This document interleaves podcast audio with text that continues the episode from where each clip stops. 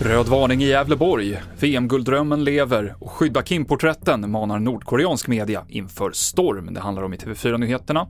Två pojkar försvann från ett HVB-hem i juli och en av dem hittades mördad i Nynäshamn senare.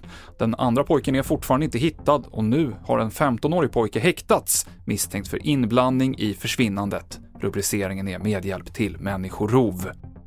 För femte gången i historien så är damlandslaget i VM-semifinal. Detta efter 2-1 mot förhandsfavoriten Japan och en insats som hyllas av Fotbollskanalens Olof Lund. Ja, det var ju en eh, makalös insats, eh, kanske i 65 minuter.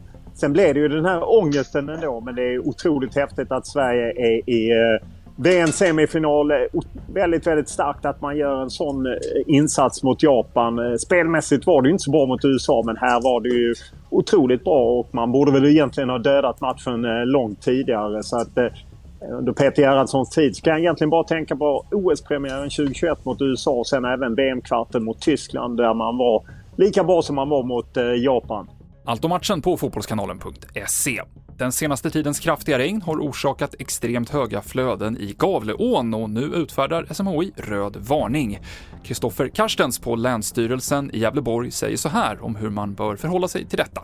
Man ska vara försiktig, att man inte ska underskatta strömhastigheter och djup den här typen av händelser gör ju också att risken för erosion och ras ökar eh, och det ska man också tydliggöra att den kanske är som störst när vattnet sen har dragit sig tillbaka och eh, strandkanten är eh, fullständigt vattenmättade. Då.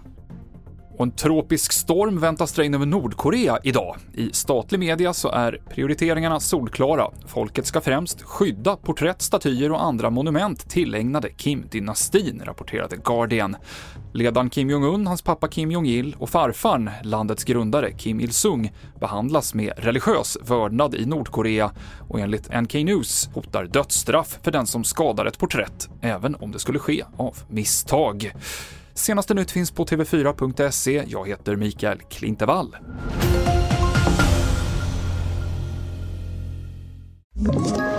Ett poddtips från Podplay. I fallen jag aldrig glömmer djupdyker Hasse Aro i arbetet bakom några av Sveriges mest uppseendeväckande brottsutredningar går vi in med hemlig telefonavlyssning och, och då upplever vi att vi får en total förändring av hans beteende. Vad är det som händer nu? Vem är det som läcker? Och så säger han att jag är kriminell, jag har varit kriminell i hela mitt liv men att mörda ett barn, där går min gräns.